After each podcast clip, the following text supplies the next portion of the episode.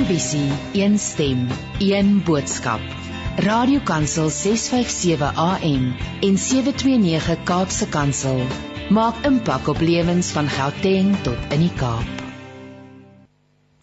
Goeiemôre, dis Dinsdagoggend, dis 9 minute oor 9. Jy luister dan met hart en siel. Ons gaan lekker saam kuier vanoggend tot 11:00 hier op Radio Kansel en Kaapse Kansel natuurlik en ek is Christine Ferreira. Nou vanoggend gesels ek met Ita Kieser wat haar uitsonderlike verhaal en getuienis na die dood van haar gesin met ons gaan deel. Almarie Murphy van die Kameeldrif Trauma Ondersteuningsentrum net hier buite Pretoria vertel meer oor die wonderlike werk wat hulle doen en dan gaan danser Leonie Erasmus wie die afgelope 7 jaar al in Hong Kong woon gesels hoe om tot eer van God dansend te bly leef ten spyte van seer kry. En om mee af te sluit gaan berader in Nikki Dixon kosbare raad gee om oor hoe om die invloed van trauma op ons welstand te hanteer. So bly gerus ingeskakel vir sielskos en vir inspirasie. Jy is ook welkom om saam te gesels natuurlik en jy kan vir ons 'n WhatsApp boodskap stuur na 082 657 2729. Ons hoor graag van jou en dis vir ons lekker as jy saamgesels. Nou om jy af te skop lees ek vir ons uit Psalm 69 van vers 31 wat sê dan sal ek God loof. Sy naam sal ek groot maak in my liedere. Ek sal vir hom dankie sê. Dit is vir hom belangriker as 'n baie groot offer. Almal wat swaar kry, sal my lofliedere hoor en hulle sal bly daaroor wees. Julle wat by God gaan hulp soek, sal weer nuwe moed skep. Die Here help mense wat sy hulp vra en hy keer nooit die rug vir sy mense wat in die moeilikheid is nie baie baie ondersteunende woorde uit die skrif vanoggend, uh, Psalm 69 vanaf vers 31. Maar nou het ons verkies Itabi lyn en ek wil 'n kort inleiding lees. Dis 'n artikel wat verskyn het um, in die Braai tydskrif en dit sê wanneer jou hele gesin op een slag sterf, gaan staan jou lewe stil.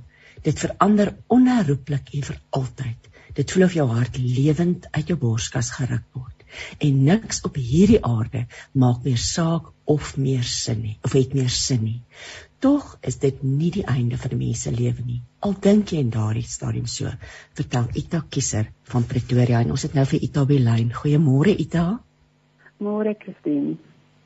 Wat 'n voorreg en wat ag net te wonderlik vir ons om vanoggend met jou te gesels oor jou lewe, oor jou lewensverhaal En ja, ek weet ons luisteraars gaan vanoggend inspirasie daaruit skep. Wil jy nie net vir ons vertel? Kom ons begin en jy vertel vir ons wat het gebeur nie. Okay, Christine, dankie. Dit is vir my ook 'n voorreg om dit te kan deel. Ehm um, so 5 jaar gelede, dit nou volgende maand die 18 Julie is, ehm um, op 5 jaar gelede het my man Heinrich, hy was 49 en my twee seuns Christian 15 en Ali 13 ehm um, van Mosambiek af teruggekom. Hulle was met vakansie daar en nou by Marlow Park het 'n groot steenkooltrok toe in hulle vasgery. En hulle al um, die trok het uitgeswaai vir 'n ander voer, voertuig wat voor hom gery het. So hulle drie is toe op slag dood. Ehm um, ek was nie op die vakansie of saam met hulle in die kar nie. Ek was tuis in Pretoria. Ons was nie geskei nie, maar ons was op daardie stadium het ons apart gewoon en ons albei wou graag ons verskille uitsorteer, maar ons het basies uit tyd uit gehardloop. Um ek dink dit enige ouers in erge nagmerrie om 'n kind in die dood af te staan. En in my geval was dit nou al twee kinders en my man. Um so dit is onmoontlik om te besef wat aan die begin met 'n mens gebeur en die impak wat dit op jou lewe gaan hê. Um en mens vra die vrou hoekom gebeur dit met jou en hoekom al twee jou kinders en hoekom jou man ook. Ek het basies alleen agtergebly en in 'n oogwink het my lewe verander. My gesin was weg, my nageslag was weg, my broodwinner was weg. My kinders was basies 'n identiteit alhoewel ek 'n redakteur was op daardie stadium nie jy weet dit was hulle my prioriteit en met ander woorde my identiteit was weg. Dit is 'n neete dop wat ek kan sê wat eintlik gebeur het. Ek dink mense amper die woorde as mens so luister na jou verhaal nie en ek weet ek kan myself dit nie indink nie. nie ek dink slegs iemand wat wat ehm um, kinders en en en en ja, soos jy sê, jou hele gesin aan die dood afgestaan het, sou verstaan waarvan jy vanoggend praat en ja, maar dis nou al amper 5 jaar later, jy het genoem dit het 5 jaar gelede gebeur. Ja. En jy's bly staande. En ek weet jy het 'n getuienis wat jy wil deel. Ek weet jy wil werk onder mense en onder vroue en en en ek ons gaan 'n bietjie later daaroor ook gesels, maar hoe staan 'n mens op na so 'n tragedie? Um wat wat wat het daarvoor gesorg dat jy vandag hier is en met my oor die radio kan gesels? Ek dink ja, in die begin is dit letterlik um dit wat ek eers wil sê dit is harde werk en dit verg aanhoudende harde werk en dis die Engels is also maintenance en vandag nog dit is 'n proses ja. en dit is 'n journey. Um, aan die begin was dit letterlik vir my uur tot uur, oomblik vir oomblik, dag vir dag. En ek het nog steeds daar uitkyk vandag dat ek net een dag op 'n slag vat en nie lank vooruit beplan nie. Um ek is na hulle hulle drie begrafnis het ek deur my familie na kliniek gestuur vir 'n maand en waar ek elke dag terapie ontvang het by sielkundige en psigiater. En hulle het my gemonitor. Um party dae, party nagte, party op skure ure net om 'n oogie oor my te hou en so aan want mense jy voel jy weet dat jy nie eintlik self beheer het oor wat met jou gebeur nie. Ehm um, so ja, ek het ek was na die kliniek toe gewees en medikasie speel natuurlik 'n belangrike rol. So aan die begin is dit basies kan ek sê net oorlewing. Um, maar ek wou ook vorentoe gaan. Ek wou nie gaan nie, so dit was 'n bietjie makliker vir die mense die met my gewerk het. Ek wou vorentoe en ek wou leef. En dit het alles dan impliseer dat ek beter sou voel en dinge wou doen en opstaan en positief bly. Nee, so ek ek is 'n positiewe ja. optimistiese mens. Die terapie saam mee gewerk. Ek glo in oefening. Ek glo daaraan om te lees en kennis in te win want as jy weet waarmee jy deel, dan kan jy dan kan jy daarmee dit hanteer. Jy weet of dan kan jy daarmee werk en Um, maar daar is baie mense in so 'n situasie wat nie wil vorentoe gaan nie. So vir my bly dit absolute keuse. En ek het gekies om op te staan en soos wat ek sê, dit ek is nou kliniek toe en daar leer jy ook. Ja. Dit is die eerste ding wat jy doen is jy staan op in die oggend, jy trek aan en ehm um, daar is mense wat jou help. So dit jy beweeg in 'n ek het beweeg in 'n omgewing waar mense my ongelooflik ondersteun het, maar dit bly ek keuse. Ek wil graag ek sê graag nou nou dat ons 'n bietjie meer in diepte praat oor die oor die rol van terapie en rotine en ondersteuning en al daardie dinge maar ja. Ek wil graag ook gesels oor die rol van jou geloof. Daar ja. moes tog 'n tyd gewees het jy vir die Here gevra het of ek sê was daar 'n tyd het jy hom gevra het Here hoekom leef ek? Mm. Ja, nee definitief. Um, ek het daai vraag baie gevra, jy weet, hoekom kon ek nie eerder saam gewees het met hulle nie en ja. um,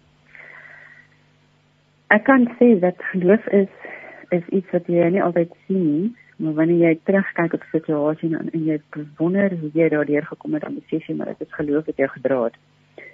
Ja. Ehm um, ek het ook gesien by ek het 'n grief checkers gedoen maar ek het gesien daar hoe ongelooflik moeilik dit vir ongelowiges is om die dood te verstaan en om geliefdes se dood te aanvaar. Geloof maak dit definitief makliker vir my, het dit baie perspektief gegee. Um en dit dit bied aan dit het aan my die troos gebied dat ek hulle weer gaan sien. Ek weet dat ons in 'n tydelike bestaan voer en dat ons herenig met hulle sal word en ek sien baie uit na daardie dag. Maar ja, ek sonder dat ek dit op daardie stadium besef het, het ek beskerm en beskik gevoel van die oomblik af wat ek in die die nie gehoor het en dit was vir baie mense wat vir my gebid het en ek het dit gevoel ek vertel dit graag van die begin af dat ek gevoel het ek op pas op 'n wolk jy weet en God het my definitief opgelig en hy doen dit steeds ek dink ek dink ook ek dink ook dit is 'n beskermingsmeganisme dit is so dit is maklik om te glo wanneer dit goed gaan in jou lewe maar die toets kom wanneer dit sleg gaan om dan nog steeds vas te hou en vas te klou aan daardie geloof. Dit is volgens my eintlik al wat jy waarlik deur so iets kan kry. Is 'n krag bo jouself. En die wete, uh, jy sê ook hulle is hulle is in die hemel, hulle hulle is steeds my kinders. Dis steeds my ja. man.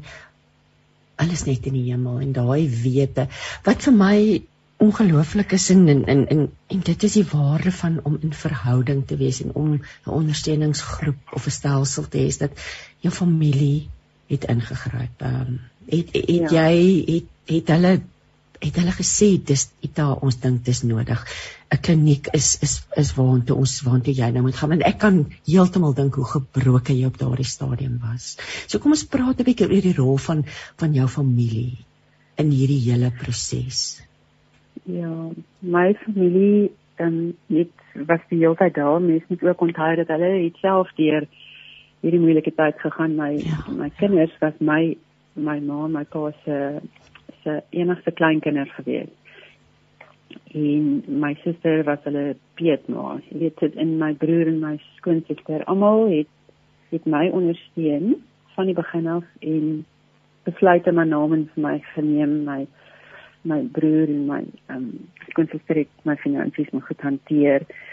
My ouers was daar en is nog steeds vandag daar. Hulle is al 84 en 80 en hulle woon nie te ver van my af in Pretoria nie. Ehm um, en ja, my familie het my net eenvoudig, was nog ons was nog altyd daar vir mekaar en hulle het maar vir my ingestaan en my ondersteun ten koste van die pyn wat hulle self gedra het. En ek dink die weer toe ek deur die meeste terapie in die kliniek gegaan het, hulle het almal saam besluit saam met my vriende dat ek daarna toe gaan gaan.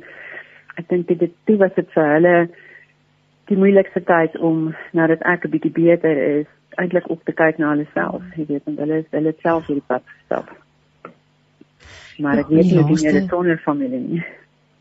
Die laaste persoon wat jy aandink is jouself in so 'n tyd, nê? Kom ons praat ja. oor die besoek of die periode in die in die in die kliniek want mense is dalk skrikkerig, hulle dalk ander idees daaroor. Ehm um, en wil dalk wegbly van terapie. Daar's mense wat wat voel dis onnodig maar ek ek dink ons dit sal vir my wonderlik wees as jy vandag met ons luisteraars kan deel wat wat dalk nodig het om om om net 'n tyd lank so iets te doen dat dinge so buite beheer is dat ten spyte van hoe sterk jou geloof is en hoe baie mense vir jou bid jy eintlik nie kan hanteer wat met jou gebeur het nie. So kom ons praat 'n bietjie ja. oor die plek van terapie in so 'n traumatiese gebeurtenis. Ek dink dit is definitief onderskat en miskien net dit is stigma, jy weet dat mense nie noodwendig ja, of so ek kan sien net hoe kinders op die teater nie, maar dit is die dit is so 'n belangrike faset daarvan. Dit is die een ding ehm um, wat van die begin af my op die regte spoor gesit het om net weer te kan begin lewe. Jy weet soos ek gesê het, ek het vandag eendag is ek gehelp om op te staan en aan te trek en my hare te kam en so. En dit is nie goed wat gebeur as jy eers so iets gaan nie. En ehm um, so terapie is volgens my ontsettend belangrik. Ek is um, um om weer gevoelens te werk, om weer trauma te werk. Ek het byvoorbeeld fisies met skok gesukkel. Ek het baie gesien, jy weet, mede pasiënte, daar is mense wat baie siek is en depressie ly en bipolêre siekte en en ehm um, wat is dit drug addictions, jy weet, um, verslawings en so aan. So ek en ek gesê ek was 'n gesonde een daar. Ek het net basies met hierdie skok gesukkel en so aan, maar ja, mense het nie beheer oor jou gevoelens en emosies op daardie stadium nie. En dit is hoekom dit belangrik is om gemonitor te word. Ek elke dag as psigiater en sielkundige gesien en dit het natuurlik gepaard gegaan met medikasie. Um uh ek het ook vriende gemaak in die kliniek, um want dit is ook mense wat sekere aanklank raking raakpunte met jou gehad het in in spesifieke probleme wat jy gehad het. Maar ja, dit word verskillend deur mense geontvang en mense hanteer terapie verskillend. Ek ehm um, ek was ek moet net sê ek was gelukkig om daar te kon begin want op daardie stadium omdat ek in die media gewerk het, het die media ons verskriklik gepla my en my familie. Oh. En dit was net so tipe van 'n dit is 'n tipe van 'n wegkruipplek in 'n hawe om net bietjie tot jou sinne te kan kom en ja, net beskermd geword te word in die proses. Jy weet, ek het hoe lank Skus tog, hoe lank was jy daar? Uh, ek dink dit was 'n maand daar, as ek dit nou reg kan onthou. Dit is baie min dinge wat ek kan onthou van daai tyd, maar wat ja, ek het ingewoon daar en en ek is en en ja, Nee, skus tog gaan voort.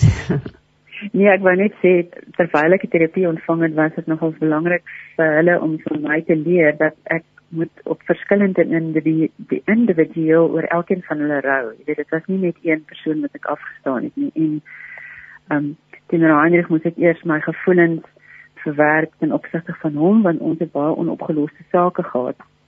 Ehm um, voor ek oor hom kon rou en ehm um, ja, die psigiater en sielkundige het 'n geweldige belangrike rol gespeel om alle al drie se te dood in my my verlies het ek weet en um, beleef het ek kon verwerk.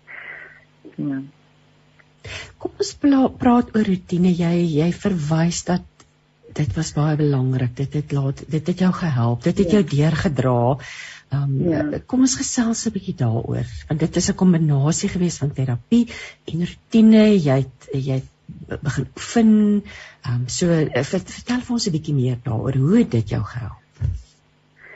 Ja, ehm um, Ja, soos ek sê, die medikasie byvoorbeeld help 'n pasiënt om die terapie te kan hanteer, maar ek dink weer eens is baie persoonlike ding vir my het rotine nog altyd gewerk en ek is nie oggend 7 uur daar wakker gemaak in die kliniek en dan het dit begin en dit is jy weet met gaan slaap om 9 uur want jy drink medikasie maar jy het daai rus nodig in die nag en ek is 7 uur wakker gemaak want anders sal jy nie opstaan nie.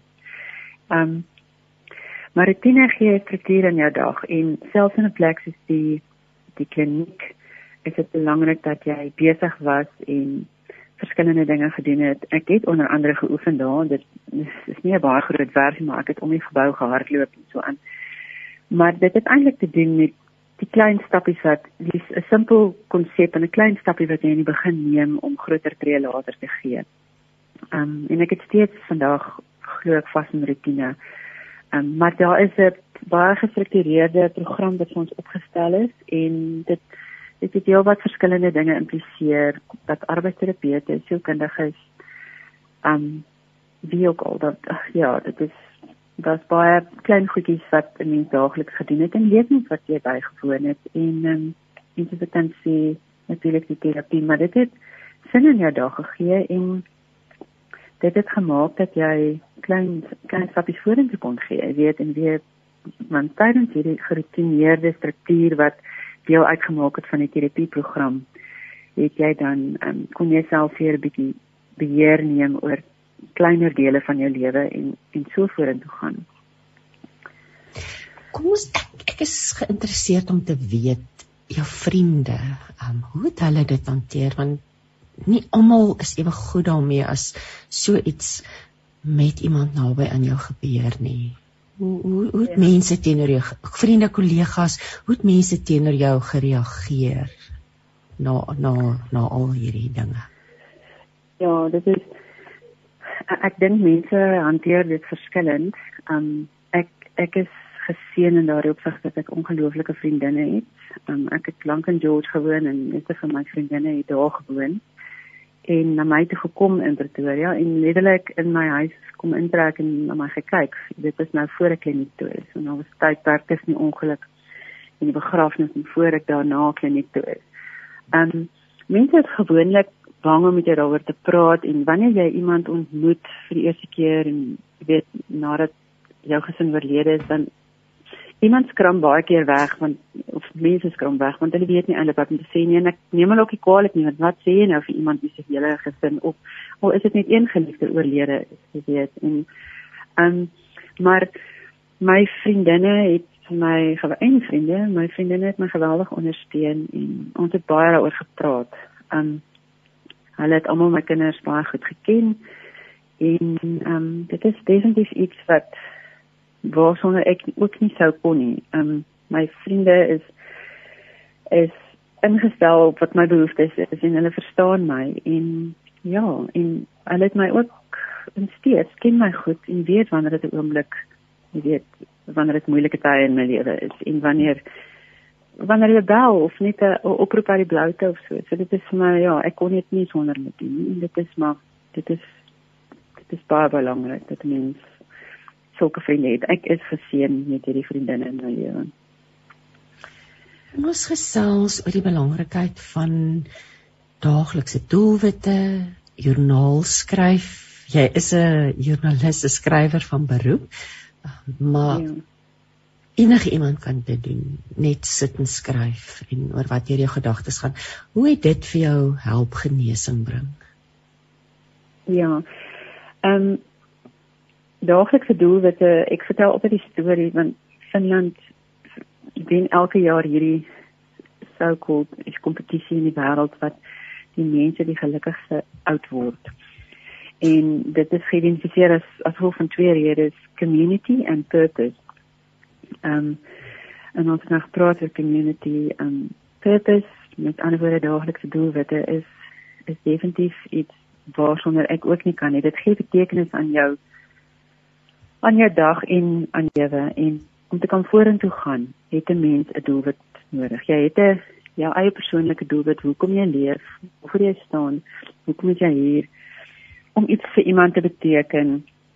Ehm um, ja, en die dinge wat jy weer laat glimlag, al is dit om 'n groentetuintjie te maak of iemand self iemand wat afgetree is in 'n 'n aftree oor moet nog steeds 'n doelwit hê hoekom hy elke oggend opstaan en wat hom bly maak. Ehm um, een van die goed wat jy gesê het vir my is om te skryf en ek is baie bly ek het dit gedoen want jy vergeet die goed, jy vergeet hoe jy in die begin gevoel het en jy kan sien deur journal inskrywings hoe vordering jy maak en jy weet hoe waar jy nou trek of baie keer gebeur het dat jy iets gaan lees en dan voel jy na 5 jaar presies weet dieselfde. Jy weet dit is 'n dit is 'n proses van vorentoe en agtertoe en dan vorentoe en agtertoe maar jy gaan éventueel vorentoe. Maar dit is is 'n baie gesonde gewoonte om om dinge neer te skryf en 'n joernaal te hou van of te ja, vir 'n dagboek. Jy weet dit is dit is to, is net iets wat werk want sodra jy dit op papier sit, dan jy met gestalte aan en kan jy daarom werk en iets met dit maak. Dit, dit is dit is vir my belangrik. Jy het verwys na jou vriende en en mense wat jou gehelp het. Um die woord roubegeleiding. Hmm. Wat behels dit alles en en en, en elkeen van ons kan 'n roubegeleier wees in die klein en nê. So, ja, ja. Wat wil jy vir mense daaroor sê? Ek dink die verskil tussen roubegeleiding en om om terapie te ontvang by 'n psigiater of sielkundige, dit is dit is 'n groot verskil. Die eerste een het 'n geweldige groot en belangrike plek.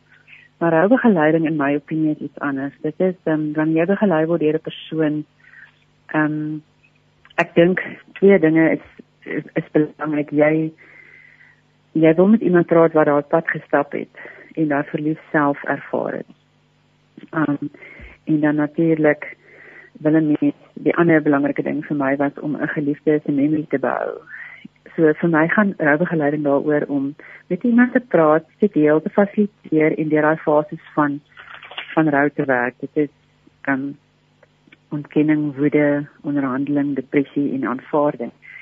En um, ja, dit is definitief vroubegeleiding ook weer eens 'n proses en gefaseer en soos ek sê, 'n mens wil iemand se memories behou met alle mag en krag wat jy het. Hulle is steeds 'n man met kinders en hulle is net nie meer op die aarde nie, maar in die hemel. En hulle laat 'n holte agter. En jy wil daai holte vul. En ek dink dit is ontsettend belangrik want hulle was deel van jou lewe. Um, ek het ook gesê jy wil dit met iemand bespreek wat die pad gestap het. En dit is hoe ek op Marilee Ploos van Amstel sy het self die pad gestap. Sy het haar dogter 15 jaar gelede verloor ook in 'n moederongeluk en sy het aan my genoem sy het gepraat met iemand wat wat haar gehelp het maar sy het nog steeds ander antwoorde gesoek en en so het sy toe op 'n wonderlike kursus afgekom um grief and share ek dink dit kom van 'n Amerikaanse kursus maar dit was nie al beroep en sy het dit begin aanbied en sy bied dit steeds aan vandag by Dr. Dyer en Phil Glen. En um, ja, so dit is die die die manier en die empatie wat jy met iemand kan deel omdat jy self daardie pad gestap het. En sy het my uit die vreemde gedal. Ek het haar nie geken nie. Sy is vandag 'n groot vriendin en 'n wonderlike mens in my lewe. Was baie baie belangrike insette van die begin af gelewer het. Sy het my van die begin af gebel en ondersteun, maar ek was eers 'n jaar na hulle dood was ek eintlik gereed om die kursus te doen. En um, ja, dit is dit daar het die proses ook begin. Soos ek sê, dit is bietjie anders as die terapie, maar aanvanklik Ek dink 'n mens wil die roubegeleiding is met wil met ander mense sit en praat en hoor wat is normale routydperk? Wat is normale gevoelens? Jy weet die uitdagings van rou en die effek wat dit op jou gedagtes, jou lyf en jou gees het. Ook die pad wat jy stap tydens rou die die vir jou verhoudings in daai tyd want 'n man en 'n vrou wat 'n kind verloor hanteer dit heeltemal verskillend. Jy weet die een wil praat, die ander een wil glad nie praat nie. Die een onttrek. En dit is alles skuldgevoelens, woede. Ehm um, daar was mense in my groep wat ehm um, mense aan kinders aan selfmoord selfdood afgestaan het. So dit is 'n geweldige issue om om dit met skuldgevoelens weer te werk. So die die kursus wat ek byvoorbeeld gedoen het was dit is 'n supportgroep wat 13 weke lank is. Jy kyk na video en daar's 'n werkboek waarin jy persoonlike studie doen en refleksie doen. En dit is ook moet ek sê belangrik om te sê dit is 'n konfidensiële groep. Jy weet so. Ja. ja, ek het ook aanvanklik was dit ehm um, Marlie het my ondersteun telefonies saam met my vriende en familie en ek het terapie gekry. Maar dit is aanvanklik net soos ek sê 'n proses is survival in die begin. Dan kom terapie toe ek later begin werk en dan deel jy met goed soos jou geliefdes se besittings, hulle klere, die huis dalk met jy trek, daar's boedelsaake wat moet afgehandel word. Jy sukkel om finansiëel te oorleef want jou broodwinner is weg en goeder is nie afgehandel nie. Ek het ook baie betrokke geraak by my kinders se vriende. Hulle was tieners en dit was seuns en dogters en dit is baie moeilik om op daai ouderdom met 'n dood van 'n geliefde maatjie te deel, jy weet. En hulle het ek het hulle ondersteun en ons was daar vir mekaar. Het. Ons het gevoel dat ons het mekaar, ons het al wat ons van mekaar oorgehou was onsself en ja, so dit is dit is die fases in die proses wat ek gestap het um, om by roubegeleiding uit te kom, maar ek voel dit is nogal belangrik dat jy met iemand kan praat, dan memories kan behou en dan ook iemand kan praat wat die pad gestap het en dit verstaan. Ja, dit voel vir my die belangrikste of die wat so sterk na vore kom is moet dit nie alleen probeer doen nie. Nie sonder ja. die Here nie, nie ja. sonder ja. mense om jou nie. Ita jy's op 'n plek wat jy graag dit wat jy geleer het met ander wil deel. Wat is jou toekomsplanne? Hoe sal jy dit graag wil doen? Ja, ek sou baie graag ehm um, ek het dit al gedoen om mense bietjie te fasiliteer en so, maar ek dink ek sal meer op formele basis of meer gereelde basis mense wil bemoedig en ondersteun dalk ook in dieselfde formaat as Marie se kursus dalk in 'n ander dorp en dieselfde ding aanbied. Um want so 'n persoon in pyn wil weet hoe 'n ander persoon wat deur dieselfde pyn gegaan het, hoe jy daardeur gekom het.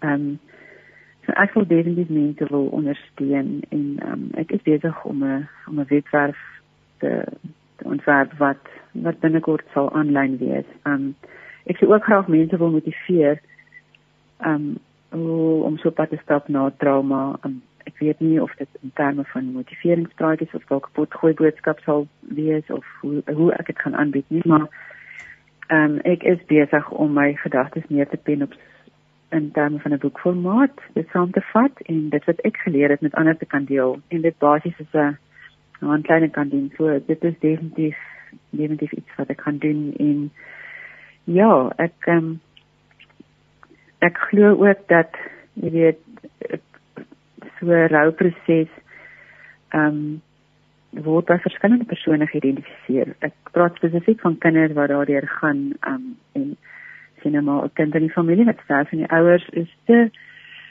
te getraumatiseer om met die kind die die ander boeteens is ook deel wat deur hierdie proses gaan. En dan ook natuurlik is daar baie bejaardes wat deur hierdie proses gaan want hulle is op 'n fase in hulle lewe waar hulle hulle hulle maat of eggenote doodgaan. En um, dan ook natuurlik die families en vriende van kankerpasiënte. En dis meer, ek dink daar is verskeie maniere hoe mense kan betrokke raak. Ehm um, ek wil definitief dit in 'n boekformaat weet vasvat en dan um, en dan in 'n fasilitering sodanigheid mense probeer ondersteun. Maar ek sal dit op my webwerf uiteensit sodra dit gereed is. Ek is besig daarmee. Ek wil voordat ek nou vir ons luisteraars jou kontak detail gee, wil ek net hier 'n stukkie lees wat jy geskryf het. Geloof bied 'n ander dimensie. Ehm um, ek onthou baie pertinent het ek van die begin af nadat ek die nuus ontvang het, gevoel het asof 'n wolk my beskud. Ek het gesweef, maar meer eintlik ont omhul en eenkant geplaas gevoel. Ek het berusting beleef. Dit was asof 'n ander dimensie my omvou het en heeltyd 'n skans om my was en steeds is. Sommige terapeute beskryf dit as 'n numbness uh, wat nooit weggaan nie. Vandag besef ek dit was God wat my vandag besef ek dit was God wat my opgelig het en steeds beskerm. Wanneer mense vra hoe jy met so iets saamleef, antwoord ek met God. Hy berei jou jou hele lewe lank voor vir wat oor jou pad sal kom, soms sonder dat jy dit besef. En hy los jou nie alleen in so 'n situasie nie. Al wat ek weet is, hy het my volledig toegerus om die pad te kan stap. En dit is iets wat ek graag met ander wil deel om hulle te help. Ita laaste ja. gedagtes van jou kant voor ons jou kontakdetail deel. Hmm. Ja, nee, ek ek dink definitief dit gebeur met 'n mens. Ehm um, met die doel dalk jy verstaan nie altyd die redes nie hoekom dit gebeur nie, maar die feit dat jy in staat is om dit met ander mense te kan deel. Dit is definitief iets wat ek voel ek nie toegerus is. En jy jy besef nie jy word voorberei vir dit nie, maar as jy terugkyk op jou lewenspad dan besef ek maar dit is ek is lankal al hier voor begin voorberei en hulle definitief met mense deel. Daar is definitief oplossings en raad en hulp hiervoor en dit soos ek aan die begin gesê het, dit is 'n keuse om op te staan. Maar ehm um, dit verg werk en as jy net 'n gewillige gemoed het om net te kan opstaan of jou arms op te lig, daar is mense wat jou arms sal ophou. Maar ek dink die kind lê daarin om om net te besef waarmee jy deel, waar jy is en dat daar hulp is vir jou en dat daar definitief definitief 'n nuwe lewe vir jou voorlê as jy net kan deur die ergste kom. Ek dink jy het nou sommer Ina Matthee se vraag hier beantwoord. Sy sê Christine, ons dank die Here vir sy, wag, ons dank die Here vir sy berusting, vir ons sy pad na berusting wat hy met Ita loop. My vraag, nie almal het die geleentheid en fondse om professionele hulp te kry nie, kry nie. En dan nou dat Ita 'n entjie verder is en terugkyk, is daar iets Ita wat jy dalk kan uitwys dat 'n mens kan deurdra? Sterkte, God gebruik jou wonderbaarlik Ita, al die eer aan hom. En ek dink jy het eintlik dit nou gesê, maar is dalk ietsie wat jy wil byvoeg vir Ina? Ek dink ehm um, dat wanneer jy by jou volle bewustheid is, jy's in 'n mate gesond en daar is 'n bietjie van 'n gewilligheid by jou om net eenvoudig te sê ek wil vorentoe gaan, ek wil nie te grond gaan lê nie. Dit is makliker om jou eie pols te sny te sien. Ek wil eerder na my gesin toe gaan of wat ek al maar die die gewilligheid om te kan aangaan as jy as 'n mens net by daai punt kan kom en geliefdes naby jou hou en en jou vriende naby jou hou want hulle tel hierdie goeders op wanneer hulle agterkom jy is nie lekker nie. Maar as jy kan net 'n bietjie gewilligheid toon dan is daar mense wat jou sal help. En dit hoef nie noodwendig altyd geld te kos nie. Daar is hulp, daar is kursusse. Hierdie griefseer kursus wat Marley Kloos van Amstel aanbied is is 'n gratis kursus. Dit word aangebied by Dr. Dayo. En ehm um, soos ek sê my my idee is om dit dalk verder te vat en in ander areas aan te bied. Maar ek dink as daar 'n gewilligheid is, dan is daar altyd hoop wanneer iemand sy asem uitblaas dan is dan natuurlik nie meer hoop nie. Maar wanneer jy wanneer jy nog daar is en jy wil vorentoe gaan en daar's 'n ongelooflike lewe wat voor lê. Maar 'n mens moet dit kan raak sien in die donkerste tye. En dit gaan dalk nie van die begin af so kom nie maar daar is mense en strukture wat jou kan lei en help. Ja, ek wil ook net herhaal dan ter wille van van ons luisteraars dat hierdie grief and share kursus ehm um, is gratis soos dan nou vir ons gesê het. So jy kan gerus daar kontak maak met uh, met Dr. Dayo en en uitvind daaroor. Ita, um, ek is seker jy kan ook vir mense in daardie rigting lei en ook as ja, as iemand met jou wil kontak maak, is daar 'n e-posadres uh, waar kan mense jou kontak?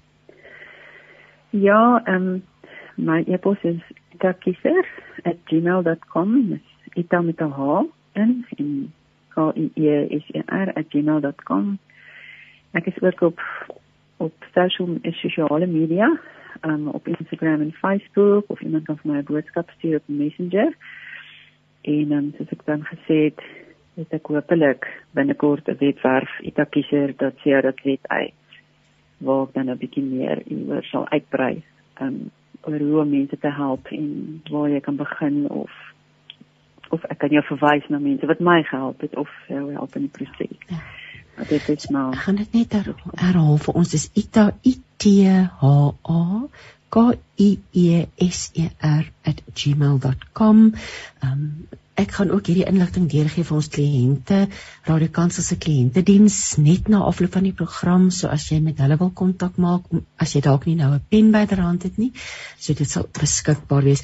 Ita, ek wil vir jou baie baie dankie sê en en ag, dankie dat jy bereid was om te gesels vanoggend en dankie dat jy 'n hart het vir mense wat dieselfde pad as jy loop en dat die Here jou roep in 'n rigting in en ons wens jou alle seën en sterkte daarmee toe en mag hy die pad vir jou oopmaak en regtig so soveel sterkte en seën vir jou en nogmaals dankie vir vanoggend. Ek het vanmiddag en ek wil regtig dat dit iets vir iemand gaan beteken wat voel dat daar nie hoop is vorentoe nie. Nou, ek wil net sê dat daar is hoop. Ek is 'n sprekende voorbeeld daarvan. Baie dankie, hè. Dankie, dankie. Dankie Ita. Kom ons luister na musiek. Werner Bessinger gaan vir ons sing Reis na Erns. Radio Bruisend van Lewe. Ja, dis 657 Radio Kansel en 729 Kaapse Kansel. Jy luister dan met hart en siel. Ek is Christine Ferreira en nou gesels ek met Elmarie Murphy. Elmarie is betrokke by die Kameeldrift Trauma Ondersteuning Sentrum. Goeiemôre Elmarie. Goeiemôre Christine. Baie baie dankie vir jou tyd vanoggend en dat jy bereid is om met ons te gesels en vir ons meer te vertel oor hierdie onder trauma ondersteuningsentrum en die werk wat julle daar doen. Ons het nou net 'n vraag van 'n luisteraar gehad om te sê dis alles goed en wel, ehm um, as 'n mens die geld het om psigiaters en sielkundiges en en en jy weet ding sulke dinge, sulke mense te besoek, maar wat daarvan as jy nie. So ek weet nie of jy vir ons lig daarop kan werp nie, maar vertel vir ons sommer van die begin af, wat doen julle by die sentrum? Goed, ja, ons is in Pretoria by Kameeldrif Oos Rode Plaas Dam se area is ons geleë. En um, ons staan nie mense by wat deur trauma gaan. Dis eintlik as die noodlot jou tref. Jy weet jy het nie beplan op dit ja. nie. Staan ons die mense by, maar ons kry ook mense wat ehm um, miskien in hulle kinderdae gemolesteer was wat eers later uitkom na 20 of 30 jaar wat dan weet kom vir berading. So en dan is ons ook 'n non-profit company, ehm, 'n um, nie winsgewende organisasie. So ons vra ook nie geld vir die mense om te kom nie. Ons vra gewoonlik as jy 'n donasie wil maak, sal ons dit waardeer. Maar dit wat lekker is, jy weet van al die mense het hierdie geld om psigiaters en almal te gaan sien. Nie. Ons personeel is ook baie goed opgelei om die ouens te kan bystaan. As ons sien dit is 'n geval wat definitief 'n psigiater nodig het, dan verwys ons baie graag die mense na weet na psigiaters of waar nodig is, sal ons ook dan na verwys toe.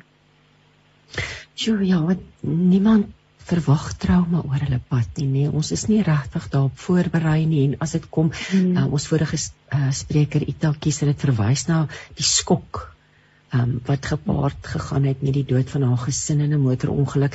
So mense is nie voorberei nie. Jy sê julle personeel is is professioneel opgelei het julle ook vrywilligers wat daar werk? Ja, ons is almal vrywilligers wat daar werk. Is julle almal vrywilligers, maar dit is ongelooflik hoe julle dan julle tyd gee vir hierdie vir vir vir mense wat sukkel en swaar kry. Ja, ek glo ek glo Vader moet dit op jou hart druk um, om jou tyd te kan gee om in in die trauma gevalle mense te kan bystaan. Want um, as jy dit gaan doen om geld daar uit te kry, in ons geval dit dit gaan nie werk nie. So ons het vrywilligers, um, maar dit is 'n passie om ons gemeenskap by te staan. Kom ons gesels oor Kinderbeskermingsweek. Dit was 29 Mei tot die 4de Junie. Ek weet julle was baie betrokke en baie besig in daardie tyd. Hoe kan ons as ouers ons kinders teen kwaad en trauma beskerm? En dan wil ek ook sommer vra hoeveel van die ja, hoe baie kinders sien julle? Hoe hoe hoe wyd versprei is trauma onder kinders? Ehm um, as ek net nou so aan die agterkant begin is, ons sien redelik baie kinders want selfs in 'n in 'n huwelik waar daar bekleierery is en jy word die aan van die polisie uitgeroep, is daar kinders meeste van die tyd betrokke. So ek wil amper sê kinders maak 'n groot deel uit van al hierdie drama wat om hulle ook gebeur. En dan om terug te kom van hoe kan ons as ouers ons kinders beskerm teen hierdie trauma? Ek dink enige ouer wat beplan jy gaan kinders hê, dink net ja, dit is lekker om kinders te hê, maar die wêreld is breed. Hoe gaan ons hulle beskerm? Dis 'n moeilike enetjie want eintlik kan ons hom hulle nie beskerm nie. Ons kan hulle voorberei. Ons doen die nodige goed om hulle te beskerm. Ons um, kyk mooi na ons dogters ensovoorts, maar ons moet hulle voorberei want jy kry trauma uit 'n boelie by die skool uit ook. Dit is nie net al hierdie lelike goed wat gebeur nie, dit ja, klein ja. onderliggende goedjies ook. So en as jou gesinsverband ook goed en gesond is en vashou aan vader, dan wil ek vir jou sê, dan kan kan hierdie golwe van die see maar verbykom. Maar daar's 'n basis waartoe hierdie hierdie kinders kan teruggaan na hulle gesin toe om te weet waar is hulle veilig en waar kan hulle ontlaai oor hierdie drama. En dan ook om basiese goed vir die kind um ek wil amper sê jy met jou kind kan jy moet en nou op sy groep beskerm dat jy nie vir homself gee met oop data um games vir hulle speel plekke waartoe hulle gaan nie elimineer klaar daai goeie. Jy kan ook nie jou kind uit die wêreld uithou nie. Jy kan hom ook nie in die kas gaan toesluit nie, want dan as iets die dag met hom gebeur, weet ek nie hoe om dit te hanteer nie. So dis vir die ouer baie goed dat daar 'n gesonde balans is.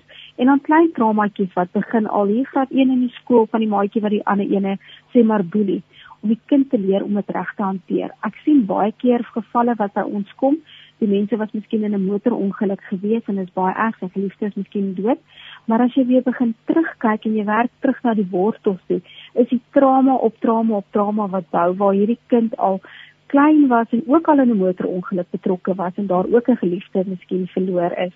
So ek dink en as iemand na ons kom eh, sien nou met 'n trauma sessie, leer ons ook die persoon dat as in die toekoms iets weer met jou gebeur, hoe om te ontlaai, hoe om te ontlont, hoe om van hierdie trauma weer te werk sodat jy nie vasgevang sit in 'n in 'n groepie baie trauma wat nie behandel word nie, sit oor in depressie en dit druk jou af in 'n donker gat. Jy weet jy wil nie jy wil nie 'n persoon daar bring nie. En daar's natuurlik snellers, nie? Ehm um, wat wat dan weer die trauma na vore bring. Ons dink aan huis met inbrake, motorongelukke, daar's soveel is daar's 'n lang lys van goed wat kan gebeur. So wat jy eintlik ja, sê is 'n mens ja. moet so gou as moontlik hulp ook gaan ja. soek, nie? verseker ons ons is op die toneel met die mense klaar besig met die eerste trauma alhoewel nie trauma berading daar doen nie met doen ondersteuning en dan so twee dae later dan begin ons met die ontlonting van die trauma insident wat gebeur het. Want jy moet ook onthou sodra iets gebeur het is al jou sintuie is verskerp. So jy hoor jy ryk jy ervaar al hierdie goeters en dis hoekom jy sê dan na die tyd is die Engelse woord is die triggers spring dan uit oor oor iets wat weer verbykom en dadelik sit dit jou terug en jy weer in daai trauma geval. So, um met die sessies ook is dit so interessant om vir die ouens te vertel jy het 'n lerie in jou kop waar hierdie een insident gebeur het en al hierdie files of uh, ek praat altyd van gekleurde doppies omdat vir kinders werk en dryf rond in jou lyf en ons moet hulle terug gaan kry in die leer waar hulle hoort sodat hulle daar kan bly en daar gesond kan word en nie weer interfereer as ietsie anders te gebeur nie. Naderhand is daar soveel trauma gevalle met soveel gekleurde doppietjies in jou lyf dat alles naderhand deurmekaar is. Dis is sommer 'n kindertaal wat ek nou ja. probeer verduidelik. Jy weet, so kom ons sorteer dit uit en ons kry dit gesond. En dan ook die ander ding van trauma is ons moet hoop gee. As daar nie hoop is vir daai ou nie, hoekom waantoe wil hy beweeg? Ja, weet jy, dis eintlik 'n fantastiese beeld. Ek dink selfs ons as groot mense voel partykeer al daai gekleurde doppies is oral en kry dit net ja. weer terug in die regte laartjie. Dis my vreeslik mooi. Ek het gaan loer op julle webwerf en julle uh, sê julle bied emosionele, praktiese maar ook geestelike hulp. Kom ons ja. praat oor hierdie drie aspekte, maar ek wil praat ook oor dan die geestelike, die rol van geloof en hoe jy dit inbring in hierdie trauma um, bystand wat jy bied. Goed. Um ek dink emosioneel is amper kan jy sê sommer daar op die toneel jy ondersteun die persoon. Um en jy staan hom by en prakties is as jy um 'n inbraak vas, waar is jou huissleutels, waar kan ons vir jou veilig maak en so voort. Daar's 'n paar praktiese uh, uh, bystand en dan natuurlik geestelik. So ons kyk geestelik kyk ons na die twee na die beraader sowel as die slagoffer. Um ons beraders as hulle nie 'n verhouding met Vader het en vas staan op op die fondament van sy sy woord nie. Is jy wankelbaar, kan jy nie eintlik 'n basis wees vir die slagoffer nie dit is dis so nodig en jy moet ons ons weet nie altyd wie is die slagoffer nie. Dit kan miskien 'n ander geloof wees jy weet. So ons kan nie net kom en, en ons geloof wil afdwing op die slagoffer nie. Ons moet die lig laat skyn en die liefde en die hoop wat hy in ons plaas is wat ons vir daai slagoffer moet gee. Want wat hy sê hoop is nou dadelik van hom. Ag sy keuses is nou dadelik van hom gesteel. So hy sit in 'n situasie waar hy nou moet aanpas. Hy het nou nie 'n keuse vir omstandighede nie. En dit wil jy inkom en hierdie ondersteuning gee en dan as jy met jou sessies verder met met die uh um met die slagoffer werk is waar jy met hom begin geestelike pad loop want op die einde van die dag is dit die Vader en sy Gees en Jesus in ons wat hierdie genesing gaan bring vir daai slagoffer ons is net 'n instrument waardeur dit vloei. Maar as ons nie onsself gaan oppas in 'n lewendige verhouding met Vader staan nie, dan dan is ons eintlik 'n ek wil nou dink wat jy word ons ons is eintlik dan 'n risiko vir die slagoffer. So ons moet ons ons moet vas staan op sy woord om hierdie slagoffer te kan deurdra. Praktiese raad ehm um, wat jy dalk nou met ons luisteraars kan er, um, deel wat wat blootgestel was aan trauma. Ekskuus, jy het 'n oombliekie afgesny, sê nie ek ek afgesny. Ek ehm ehm ehm Elmarie, ene is daar enige praktiese? Raad iemand wat blootgestel was aan trauma en nog nie iets daaraan gedoen het nie. Wat is die waarskuwingstekens, wat is die gevaartekens? En watter raad kan jy vir daardie persoon vandag gee? prakties is ek dink elke ou moet introspeksie oor jouself gaan doen en net bietjie gaan stil sit en sê het daar al trauma in my lewe op my pad gekom? Sit ek verbitter daaroor? Want as ek verbitterd is oor iets wat gebeur het my ek voel dit was nie ehm um, ek het dit was nie my toe doen nie iets het nou net hier op my pad gekom en daai verbitternis gaan jou opvreet en so die die, die situasie te kan laat gaan en ook te kan vryspreek sodat jy kan vrykom. Dis 'n praktiese geestelike ding as ek dit so kan stel. Ja, um, wat jy dadelik moet doen. As jy nie dit gaan doen nie, dan dan koester jy naderhand haat in jou hart en hierdie maak net erger trauma in jou lewe en dan begin regtig depressie begin inskop. Um want want jy kan nie oor van hierdie hierdie hierdie bruggies kom nie, want jy bly heeltyd terugkyk na die verlede toe. So prakties ook sal ek sê is moet jy self op 'n situasies gaan plaas waar sekere trauma met jou gebeur het waar dit weer kan plaasvind nie, waar daar weer triggers is nie. Um jy weet as jy as jy ek dink nou aan ons polisie manne wat tonele gedoen het wat miskien eh, bedank het van die tonele raak net te veel vir hulle.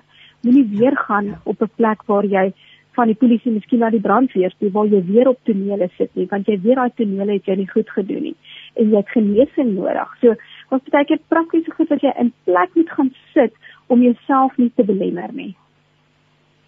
En jouself in daai opsig te beskerm nie.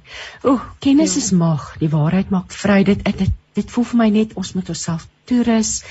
Ons moet omsien na ander om ons en as jy raak sien dat iemand om jou en en die ons vorige spreker het dit ook genoem mense om jou sien raak as iets verkeerd is nê. Jo, ja. um, Elmarie, ja. net so 'n bietjie dalk oor en en net uh ja, 'n bietjie die geskiedenis van die sentrum, um hoe lank bestaan julle al? Um net so 'n bietjie oor julle missie en julle doelwitte en julle wat droom julle oor vir die toekoms? ons ons missie is basies ons is um ons is 'n gemeenskap organisasie vir die gemeenskap waar ons ons uh, ons is almal nou maar in Kameeldrif Oos en Rode uh, Plaasdam wat ons dan ondersteuning bied. En ehm um, soos jy nou nog gesê het ons ons uh, visie is om emosionele praktiese geestelike hulp te kan aanbied vir die mense. En ehm um, dan sal ek ook sê ehm um, Joh, is eintlik so baie om te sê oor hierdie hele trauma. en my kop hardloop rond want dit is dit is dis 'n magtig goed wat 'n mens weet vir die ouens kan sê oor die trauma. Ehm um, maar ja, um, ons is al van 2006 het uh, Dominee Dani Kotse die sentrum oopgemaak hierso en elke jaar of elke paar jaar dan sit maar nuwe lede wat bykom en weet mense wat weer verhuis en dan is dit mense in ons gemeenskap wat hier bly wat dan lede kan wees en um, ons almal het 'n liefde om ons gemeenskap by te staan. So ons gaan baie uit na um, motorongelukke toe. Um hulle praat van plaasaanvalle, um huismoles. Um baie mense wat um probeer selfmoord pleeg. Ons sien baie van dit ook. So ons het 'n baie spektrum van ondersteuning wat ons bied aan die mense. En dan soos ek nou gesê het, ons is wel in Kameeldraf oos, maar ons ook mense van buite areas wat ons kom besoek of wat dan bel vir advies om te sê ek is miskien in Kimberley, uh hoe gaan ek te werk as um ons is geskei, my kind is van haar weggevat deur 'n ander persoon, maar die hof sê sy moet by my bly, dan kan ons die mense ook verwys na die nodige maatskaplike dienste toe in hulle area of waar hulle kan gaan vir ondersteuning. Oh, julle doen 'n wonderlike werk. Ek is nou nuuskierig om ek dink nou by myself, is julle deel van dalk 'n groter netwerk reg oor die land? Hoeveel van hierdie tipe trauma sentrums het jy enige dra jy kennis is julle is julle 'n deel van so 'n netwerk? Ehm um, jare terug was baie traumas of krisissentrums oopgemaak by die polisiestasie. Ons kantoor is ook dan by Kameeldrif uh, polisiestasie. Daar is ook 'n so sentrum by Sinnewil, Garsfontein en dan is daar ander plekke oor die land. So ons het so 'n memorandum of agreement in die Engelse woord wat ons neem Hy het nou verdwyn. Daar sê sy daar. Elmarie? Daar sê Elmarie jy daar? Daar sê, kan jy my nou hoor? Daar sê ek kan jou hoor. Ja, ek dink ja. so julle julle julle kan as iemand nou met julle kontak maak, kan julle hulle verwys na 'n trauma sentrum in hulle omgewing. 'n Luisteraar wat dalk vandag wil uitreik. Korrek, ons kan dit doen. Ons werk ook baie nou saam met die gemeenskapsinisieringsforum so wat in elke dorp ook is wat ook sal weet waar is die nodige mense wat die ehm um, die slagoffers kan bystaan. Ek wil graag julle kontak detail ehm um, net met mense deel oor die lig. Boonbehalwe die webwerf wat www.kameeldrifttrauma.org.za is, waar kan mense julle verder in die hande kom of meer te wete kom? Goed, ons het 'n telefoonnommer. Ek gaan hom vir jou noem. Dis 076 163 2510 en dan ook op ons gewone Facebook. Ehm um, is baie mense wat ook uitreik daar na ons toe. Ek is Kameeldrift Trauma Support en dit is ons Facebook adres. Daardie nommer is hy 24 uur van die yep. dag en maand. Kan jy vertel hoe jy uitgaan in die nag? So dis die nommer ja. wat jy kan skakel.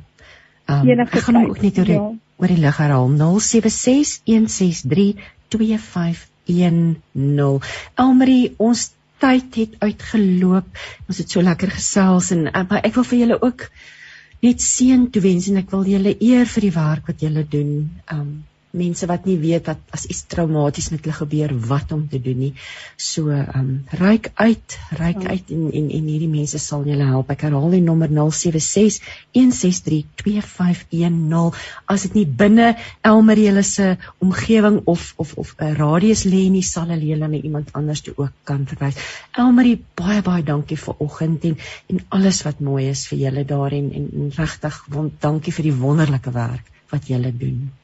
En baie dankie Christine, ek waardeer dit. Lekker dag vir julle. Daar sê totsiens. Bye bye. Een visie, een stem, een boodskap. Radiokansel 657 AM en 729 Kaapse Kansel maak impak op lewens van Gauteng tot in die Kaap. Lucy sê dis 9 minute oor 10 en nou gesels ek met Leonie Erasmus. Um Leonie woon in Hong Kong saam met haar man wat 'n vleienier is. Maar Leonie jy het 'n lieflike getuienis rondom dans. Maar voordat ons daaroor gesels wil ek net eers sê goeiemôre welkom. Lekker om met jou te gesels vir oggend. Dankie Christine. So lekker om saam met jou te wees vanoggend Julle kuier op oomblik in Suid-Afrika. Julle is môre op pad terug nê? nee? Ja ons lig môre middag uit ons sê nou ons finale Dubai en dit is nogal swaar. Ag, ek kan dit net dink. Julle woon al die afgelope 7 jaar in Hong Kong. Vertel ons 'n bietjie meer oor die lewe daar.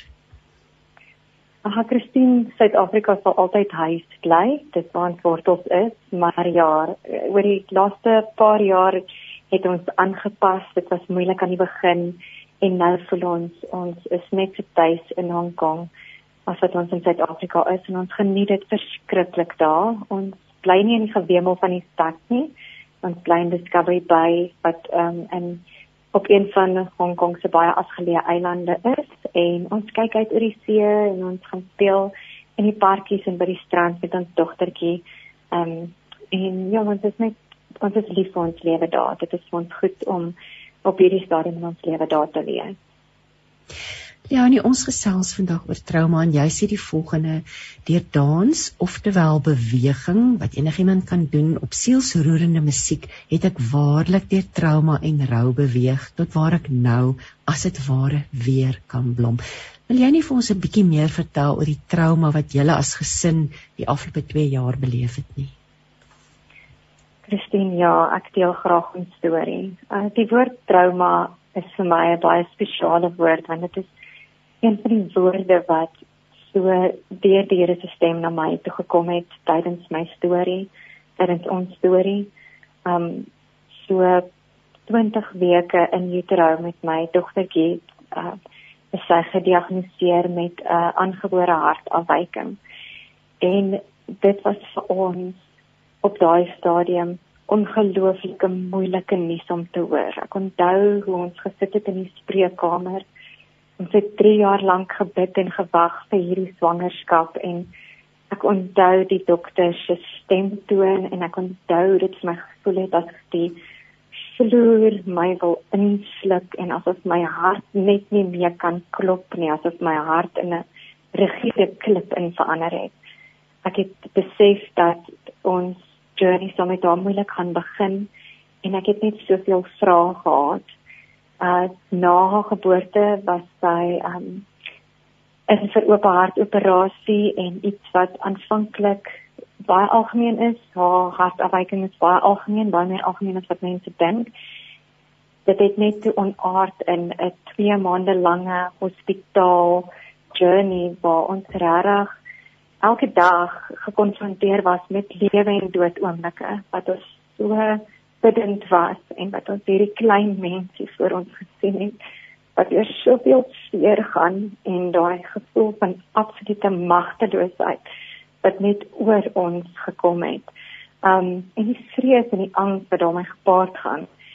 So dit dit is deel van die begin van ons trauma storie. Ek onthou toe ons slaan was, het ek met 'n um geestelike mentor gewerk en ek het soveel woede in my gehad teenoor die Here. Ek ek kon net nie sin maak van hierdie storie en van hierdie seer waardeur ons en hierdie dogtertjie moet gegaan het nie. En die seer waardeur ander ouers wat ons gesien het dat hulle dat hulle babas aan die dood moes afstaan, waardeur hulle moes gegaan het nie. Dit het ons so geruk en om haar by die huis te kon gehad het was wonderlik, maar ons het dit was vir ons so moeilik en so uitdagend het ek op 'n stadium soveel woede in my gehad het teenoor die Here dat my geestelike mentor gesê het, "Weet jy, skryf 'n brief, skryf 'n brief met jou regterhand, alles wat jy wil sê vir die Here en dan skryf sy reaksie aan jou wat jy dink hy jy wil sê met jou linkerhand in 'n ander kleur." En ek het dit gedoen. En ek onthou hoe baie ek geskryf het en hoe baie emosies uitgekom het en hoe ek rustig geraak het en met my linkerhand gedink het wat hy vir my wil skryf en wat ek geskryf het was Liewe ek is so ongelooflik jammer vir die trauma waardeur jy moet gaan waardeur jy steeds gaan. Ek is hier vir jou.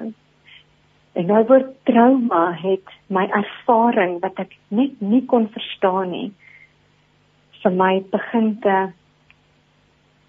dit het vir my 'n manier gegee om daarmee te connect, om daarmee te begin sin maak, om te besef dat wat ek nodig het is heelwording. So dis sy ses maande oud was, was al weer vir ons gesê sy het verseker vir die ouderdom van 2 nog 'n oop hart operasie nodig. En dit was net weer eens vir ons nuus wat ons geruk het. Ons het geleer om met dit saam te lewe. Ons het geleer om uit te kyk en om haar te beskerm soos wat 'n die eerste mamma maar angstig is en graag 'n babatjie wil beskerm met ons seker gemaak ons pas hom mooi op. Dit was 'n ongelooflike groot verantwoordelikheid en ek onthou die emosionele en fisiese uitputting wat ek elke dag gevoel het. Ek het elke dag gevoel dit is te veel te vinnig wat dan ook soms die definisie van trauma kan wees. En hier op 9 maande, toe sy 9 maande oud was, het ons begin te voel, okay, dit, dit dinge dinge gaan nou beter. Ons was nog nie met haar Suid-Afrika toe nie, want daar was ons gesê dat dit te gevaarlik vir ons om met haar te vlieg. Sy is nie sterk genoeg nie. Terwyl ons dit nie ervaar het nie, ons het na haar gekyk en sy het soveel uh lewenslus en saggees uitgestraal. Sy het hierdie wonderlike bonnetjie vreugde. En uh toe kom COVID. En met COVID was daar net weer eens soveel onsekerheid en soveel angs en vrees wat ek gevoel het. Die die onsekerheid van wat wat gaan nou gebeur en hoe hou ek nou hierdie babatjie veilig?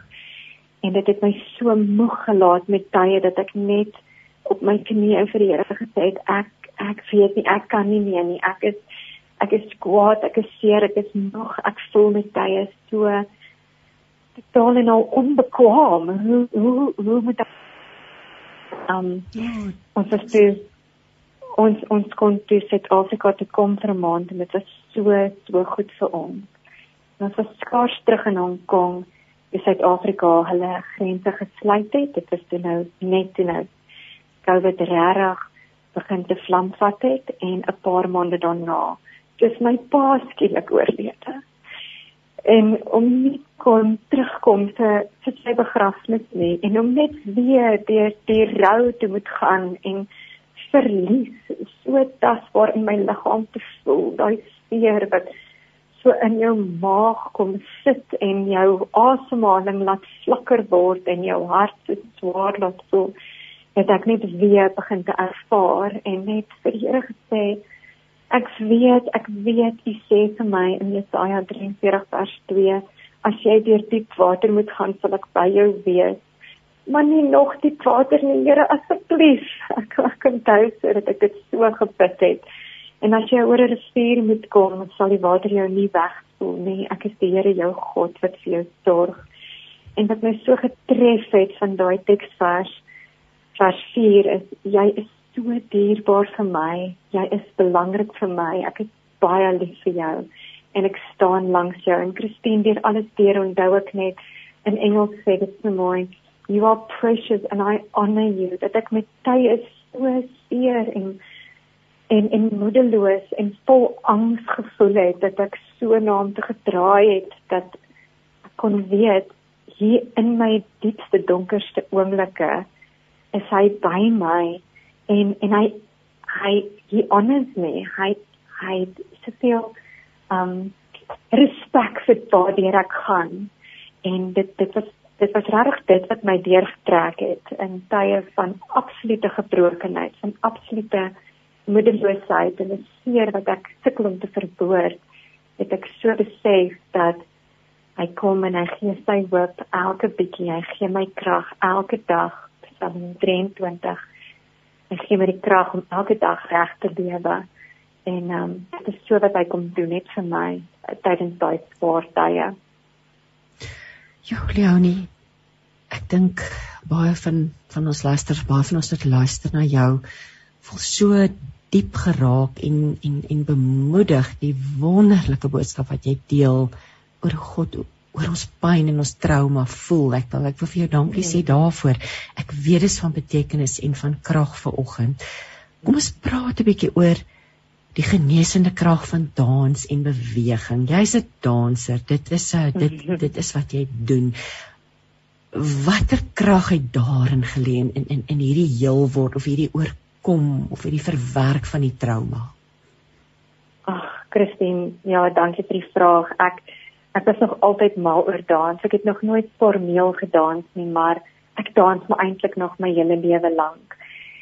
En dans het my gehelp om my seer te vat van 'n plek waar ek dit kognitief wou verstaan dit is nie altyd kan nie. Die lewe is so misterieus en dit is dit is deel van die skoonheid van die lewe. Dit is hoe God ons gemaak het en hoe hy die lewe gemaak het. En ek het so probeer om dinge in my kop uit te werk en om antwoorde te soek en om sin te maak kognitief van my storie. Ek ek wil op 'n stadium net nie my storie aanvaar nie. Ek wil net soveel seer daarin en ek wou net wegbeweeg van die seer. Ek wou ek wou net so graag ek het by die Here gepleit om my storie radikaal te verander om om net dit dit soveel beter te maak en ek ek moes in daai seer sit en saam met hom kon ek daardeur werk en hy het my genooi om my gawe te gebruik.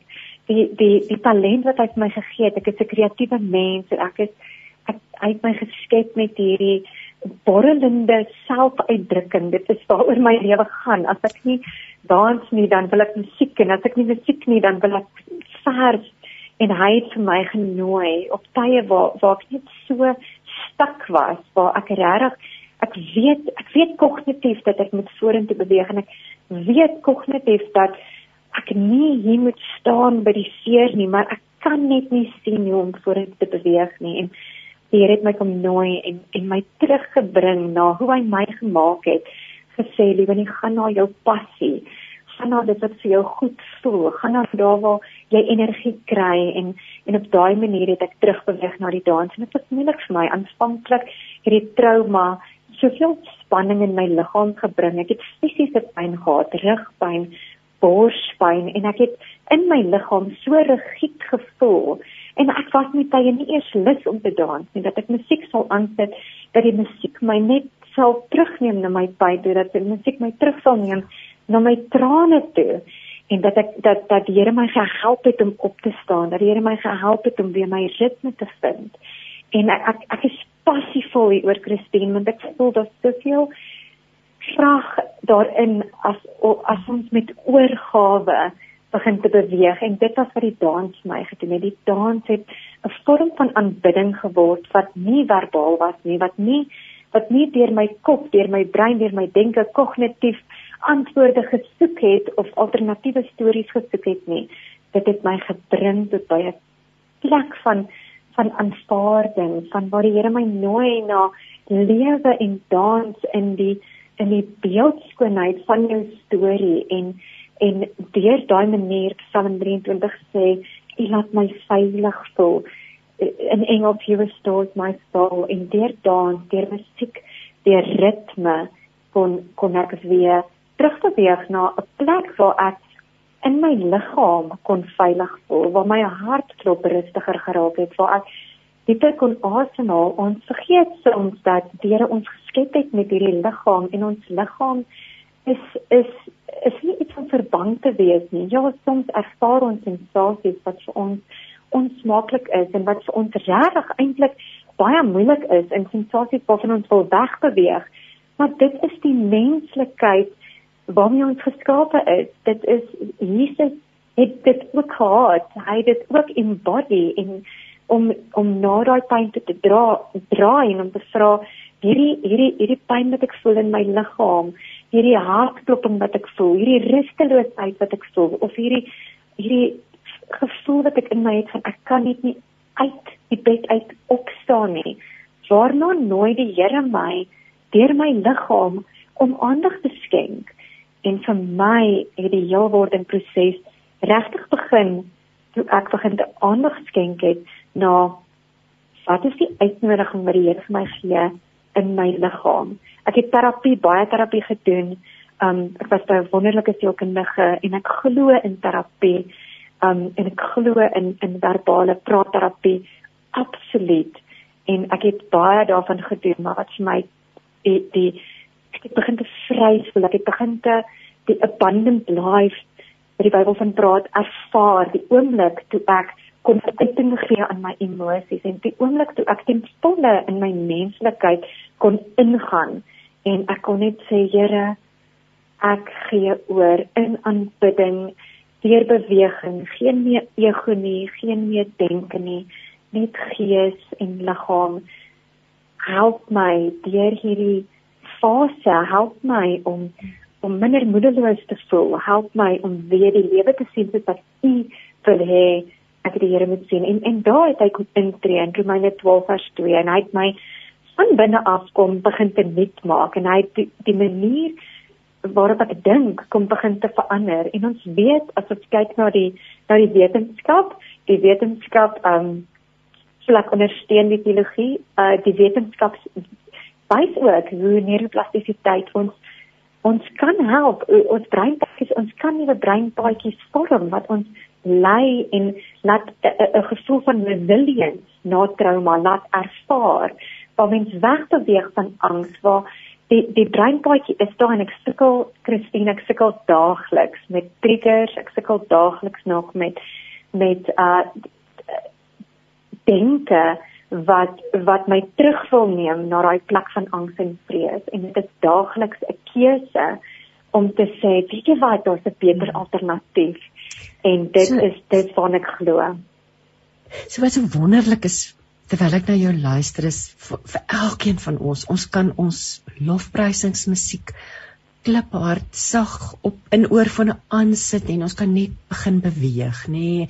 die bietjie ja. wat ons kan beweeg op die baie um en en die ja. genesingskrag wat daarin lê jy praat soveel sin Leonie ons tyd raak min so ek wil nou vra uh waar kan mense met jou kontak maak? Ek weet jy het, jy het, jy het, jy's besig met 'n webwerf. Hy's een van die dae. Ek het van die pragtige foto's en as Leonie sê dit sou lyk ek het pragtige foto's gesien van Leonie se lyk soos 'n baie professionele danser. So Leonie as mense as mense meer wil weet en ek weet jou hart is om ander te help om weer te kan blom en so waar kan mense met jou kontak maak en is die wanneer gaan die webwerf gereed wees? Die webwerf is gereed. Ek is aanlyn by ja, en jy het gewoeker.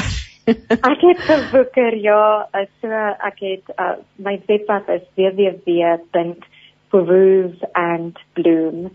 So dan kan jy wel jou groove terugkry, get back into the groove en dan wil jy bloom, jy wil regtig blom. So grooveandbloom.com. Dit is my webwerf se naam. Daar sê. So as jy ver oggend inspirasie gevind het deur Leonie, Leonie Erasmus se gesprek met ons, gaan loer gerus op haar webwerf um www.groove.com en soos ek voorgesê het, al hierdie inligting van ons sprekers gaan vandag uh, ek gaan dit deurstuur na kliëntediens. Toe Leonie, jy moet veilig terugvlieg. Ons bid vir jou en jou man en jou dogtertjie en regtig alle voorspoed en mag die Here met jou wees en mag hierdie droom regtig blom om om ander te help om te ontdek watter krag daar lê in beweging. Dankie Christine. Dankie Christine, ek waardeer dit so. Tyd vir musiek. Kom ons luister na Planet Shakers wat sing How I Love You. Ontdek saam met ons 'n oorvloed van die lewe op 657 Radio Kansel en 729 Kaapse Kansel. Jy luister nou met hart en siel en ek hoop van harte jy het opgestaan en beweeg saam met daai pragtige lied soos Leonie vir ons aangemoedig het om te doen. Nou gaan ek gesels met Nikki Dixon. Nikki is 'n geestelike beraader en sy gaan met ons gesels oor die impak van trauma. Good morning Nikki. Good morning Christine. Nikki, thank you so much for your time this morning and and thank you that we can end off our program with wisdom from your side. Um, we've heard stories of trauma, different levels of trauma, and um, there was also a reference to the trauma of COVID. I think we all want to sort of ignore that a little bit, but let's start off, but we're going to delve a little bit deeper. But let's talk about trauma and the impact that it has on our emotional well-being. Mm, sure. So, so trauma really is um, any unexpected events which might result in our normal sort of coping mechanisms being totally overwhelmed. And, and sometimes the events are life-threatening to us or someone near and, and dear to us. And trauma really does disrupt, in a way, our fundamental sense of, of who we are and our sense of safety and security. And so trauma can affect our thoughts, our emotions, our physical well-being, um, including intense feelings of grief, anger, sadness, guilt, or fear. Um, and it really can lead to our expressions of sort of memory problems or, or difficulty concentrating or coping with life's routine stresses, poor sleep. Um, so, so those are just some of the, the the effects that it can have on us. Nikki, why do we say that COVID-19 can be considered a trauma and in what ways has the pandemic been a trauma? Mm, mm. So, I think hundreds of thousands of people around the world have been totally isolated and have experienced traumatic and rapid losses in their lives, and all while having little preparation for a crisis of this, this magnitude. So we're thinking of some of the ways that it's been a, a, a trauma, and, and possibly two, just to mention, is, is first of all the dramatic and, and rapid losses that, that people have had whilst having little preparation for a crisis of this magnitude. And when we speak of losses, we're thinking of the loss of loved ones to COVID. Um, every single one of us has been touched by the loss of someone to, to COVID um, loss of work and financial security because of lockdown, disruptions in industries, whole sectors shutting down, um, loss of homes, and some some people being displaced. But then the second thing that really has made it traumatic for a lot of people is is kind of the idea of, of the social isolation.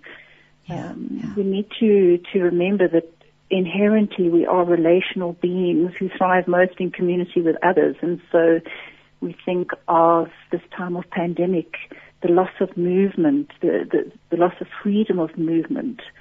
Um, for some people, the loss of safety, you know, being in lockdown in places and homes which are not considered safe. Um, gender-based violence has increased dramatically during this time. Um, loss of participation in important life events, weddings and funerals and graduations and being able to be part of community at church uh, for some people, it's been loss of support systems, um, you know, depression, suicide, anxiety, um, has all increased considerably during this time. People have struggled with isolation, with relationships ending. Um, so those are just some, a couple of the important ways, significant ways, I think, that the pandemic has been, uh, can be considered a trauma. As, as you list it now, it's actually almost overwhelming. Listen mm. to that mm. list. It's as if we've sort of dealt with it without really realizing what, what, what really happened. But there are evidence points that that shows us now that trauma related difficulties are actually a serious contemporary problem in South Africa today. Mm. Um, could you tell us a little bit more about that, please? Mm. I, I think the reality is that in South Africa, violent crime and, and trauma are normative. Um, yeah. Yeah. Many people refer to South Africa as a culture as living with a culture of violence almost a society which endorses and accepts violence as a legitimate mm. means to resolving problems. Um, and so the experience of trauma in South Africa has become a statistically normal feature of everyday life, both in urban and rural settings. And we see that, you know, violent crime, um, again, that, that, that the people not being safe, the experience of being violently victimized in South Africa has has almost sadly become a normal feature. You know, we think of the increase in, in gender-based violence. Um, never mind COVID.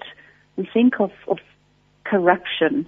Almost, we've almost become a, a nation desensitized in some way to trauma. You know, we're not almost not even shocked anymore. Absolutely, and that's not a good place to be at all. No. You know, um, because we emotionally we get numbed. Um, mm. Obviously, I want to, you know, we need help. Once, once you've been exposed to trauma, whether it was a hijacking or whether it was uh, some losing somebody, you know, to COVID or all the all the other things you've mentioned, but mm. there are some things that prevent people from from getting help. And what are those? So I think, um, in, particularly in, in South Africa, that a lot of people don't have access to help. Um, I'm thinking of rural areas which in which people might not be trained um, and experienced to help people to, to journey through their experience of trauma. So there's, there's lack of access. Um, I think we, the reality is we, we live in a society that still has a lot to say about people who ask for help who, or f- who go for help. Um, there's still a lot, it, it is, isn't it? But there's still a lot of discourse around people needing emotional, mental help. Um, and then, of course, there's also the, the lack of support in families. Um, families don't always know how to how to be a support system themselves, and they also oftentimes um, don't support each other in, in asking or trying to get help. I think those are just some of the very real factors that that prevent or delay a person. And I want to now sort of jump to the church because the church is a place where we should be able to get help and you work in the context of, of, of the church. Um. Is that an answer that should all churches have a trauma counselor on board wherever mm. they are positioned in this country or located in this country? Mm. And, and I, I think the, the answer is absolutely yes um, some, you know, whether it's it's, it's equipping um, the ministers and the pastors to start having some of those conversations. Um, within the in, the in the Methodist Church, we, we do a lot of training for for ministers um, to try and equip them with with some of the, the basic skills in how to sit with somebody who's experienced trauma, or whether a church is is able to have a volunteer team who's trained and equipped to listen um, yeah, so it, it's vitally, vitally important because for many people, faith is an overarching and such a significant influence on our lives. I want to I want to speak about that because obviously, um, as a believer, we do approach life in a different way. So um, how yes how can we as, as believers then effectively effectively sorry deal with personal trauma um, mm-hmm. and help others mm-hmm. not not only ourselves but also others any any pointers in terms of our our belief system mm-hmm. so I think it's important to recognize that even though we believe in in God the Father Jesus Christ and the Holy Spirit, but people tend to have a couple of different responses to trauma. Um, and, and so some survivors of trauma may question or almost become angry at God. You know, questions like, where were you? Why didn't you protect me? Or, or simply the why me? Um, and so often in the presence of trauma, our very security in our faith can, can almost be undermined. You know, feeling that life has little purpose and meaning, um, questioning the presence of a power greater than ourselves or one's purpose or who am I, where am I going, why do I matter, do I really matter? Um, so, so that can be a response to, to trauma for, for us as believers. But then the other, the other response might be um, to turn to God, sort of in prayer, to, to lean on, on a God. If I have an image of God that is supportive and caring, I might actually lean on, on, on God for support and comfort even when trauma is present. I think it, it's really, and it, it's difficult to say where I, how I will respond or which way I might respond, but just an awareness that those are a couple of the possible responses for, for us as believers when we experience trauma. And some people might move from questioning God to the place of just being completely dependent on God um, yes. in, in the situation. I want to talk to you about the signs of post-traumatic stress disorder because we might be living with somebody who has been exposed mm-hmm. to trauma and who tells us they're okay, but they're not. How do we mm-hmm. know? What are the signs? Okay, so I think first of all, it's, it's important to remember that not everyone who experiences a trauma develops ongoing or kind of almost chronic symptoms, which we associate with post-traumatic stress.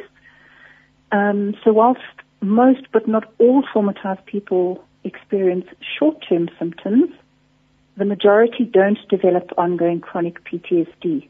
But trauma responses have certain signs and certain symptoms, um, and they may include um, kind of reliving the moment through through flashbacks or hallucinations, nightmares of the incident.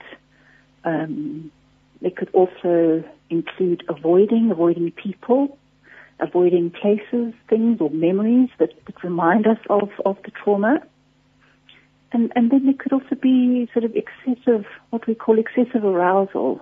So being hyper vigilant, hyper alert, um, extreme emotions of, of anger or fits of rage or irritability, difficulty sleeping and concentrating. Could be intrusive, um, sort of negative and, and distressing thoughts such as, as guilt.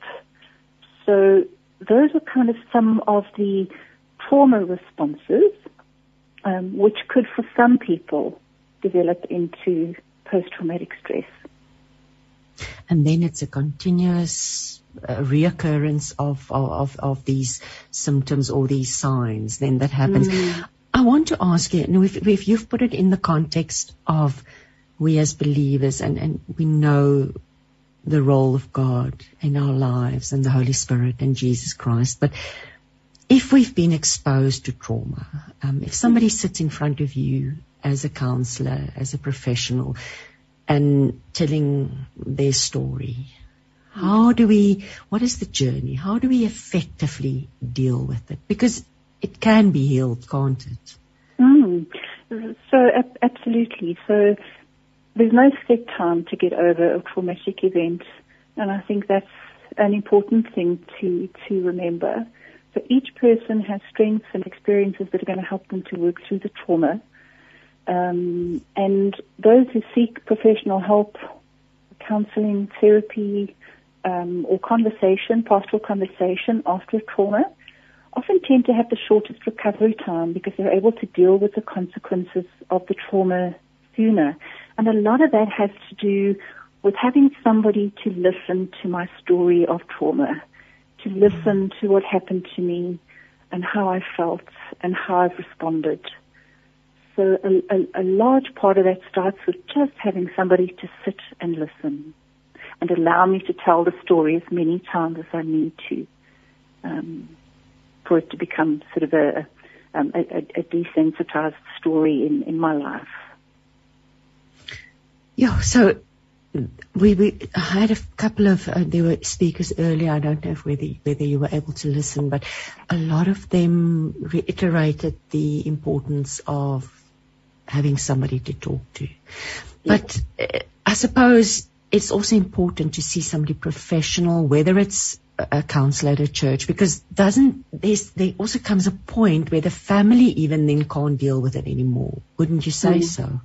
Yes, yes, that's right. And so, um, whether it's a, um, a pastoral conversation at a church, or whether it's with a professional working in private practice or at a church, and a minister who might be trained um, in, in sort of listening to stories of trauma, it's vitally vitally important to have that almost a safe a safe space where that that story of trauma can be looked at. I want to talk about timeline say for example you've been in a car accident or there was a armed robbery or a situation, a life threatening situation, should you immediately go for counsel? How important is that? Mm-hmm. So, so, we, we often, um, speak about the, the first 72 hours in which it becomes almost, it's, it's not the most welcoming word, but an immediate, um, trauma debriefing where you speak to somebody who, who's trained in listening. But for some people, the first 72 hours might be so full of shock and, and disbelief um, that it could become almost immobilizing. But thereafter, just to still go and speak to somebody um, about the story of trauma is, is vital. So whether it's um, an immediate uh, immediate access that you have to someone, or a couple of days later, being able to talk through the experience of what has happened can be really meaningful and and and and, and kind of encourage some sort of um, closure or, or, or healing from from that experience of of trauma. I'm thinking now about people that has been through trauma, but they've, mm. for example, rape or mm. physical abuse in their childhood, and they've just buried it so deeply. Is it ever too late? Can can you talk about it? Can you be healed from it? Can you recover from it years later? So yes, I, a lot of a lot of trauma, as as I mentioned, there's no sort of set time to get over a traumatic event, and often trauma from um, earlier years in our lives has kind of been suppressed, or um, we learn to live with them. But there'll often be times where something triggers a memory, where something triggers a flashback, um, and that that becomes really present. And so, absolutely, talking about those moments and the effect of the trauma on, on our lives um, and, and the ways in which it's influencing us currently, absolutely, is th- those those stories need to be spoken about with somebody as well. Um, and, and so there's there's never one can't say we always totally fully recover. I think that's very yeah. dependent on the on the individual. It's very dependent on the circumstances and the context. But getting help at any point, asking for somebody to listen to your story at any point um, in, in our lives regarding a traumatic experience really does remove the burden of carrying that from, from the individual um, and allow them to, to look back over it, perhaps with, with, with um, helpful questions and, and somebody who's listening can almost help the person to um, engage with that moment differently and, and then move forward in, in life again. As family members or friends, how do we approach the situation if somebody or someone close to us has been subjected mm. to trauma? Mm, mm. So I, I think that the, the best thing we can do for a friend or a loved one going through a trauma is to simply commit to be there for them in those in those early days and, and for the duration. So whether it means staying in contact with people daily or weekly, just to check in to see how they're doing, um, help help to to engage them, um, going out for a walk, meeting for coffee, and then if if if as a family member or a friend there's a real sense that the, the person is, is struggling with the, the story of trauma, to encourage them to speak to a counselor, a therapist, or a psychologist, a minister who, who's had some training in, in supporting trauma experiences.